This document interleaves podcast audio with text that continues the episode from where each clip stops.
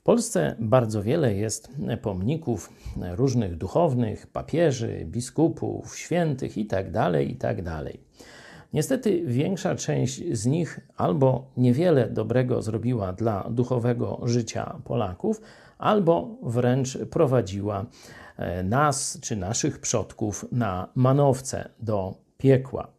Teraz właśnie mamy taki no, cykl świąt związanych z cmentarzami. Polacy tłumnie na, wylegli na cmentarze i tam też y, są księża, mają takie swoje kramiki. Związane jest to e, z taką fałszywą nauką katolicką, która mówi, że to, co zrobił Chrystus i zaufanie temu nie wystarcza, nawet sakramenty nie wystarczają, i po śmierci człowiek idzie do czyśćca, żeby tam jeszcze w jakiś sposób ponosić karę za swoje grzechy. No i żeby szybciej Bóg wypuścił takiego delikwenta, wujka, stryjka, e, czy kogoś jeszcze bliższego do swojego nieba, no to tu trzeba zamówić mszę za jego duszę, no a tam jak msza, ksiądz, noż to nie za darmo, trzeba też i zapłacić.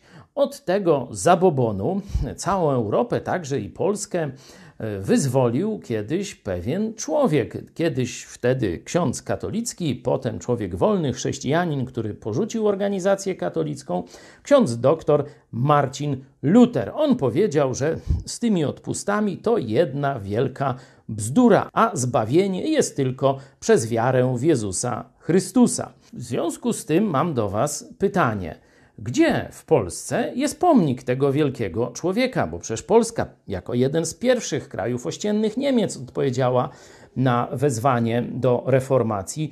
Powstało pierwsze państwo protestanckie właśnie pod berłem króla polskiego, hołd pruski 1525, czyli parę lat po wystąpieniu Marcina Lutra w 1517 roku. Gdzie w Polsce jest jego pomnik? A na to pytanie odpowie Wam Leszek z klubu. O właśnie, idź pod prąd. Gdzie? Noż zaraz się dowiecie. Znajdujemy się pod pomnikiem Marcina Lutra. Jest to dzieło wiedeńskiego rzeźbiarza Franciszka Wogla z 1900 roku. Jest to jedyny taki pomnik w Polsce.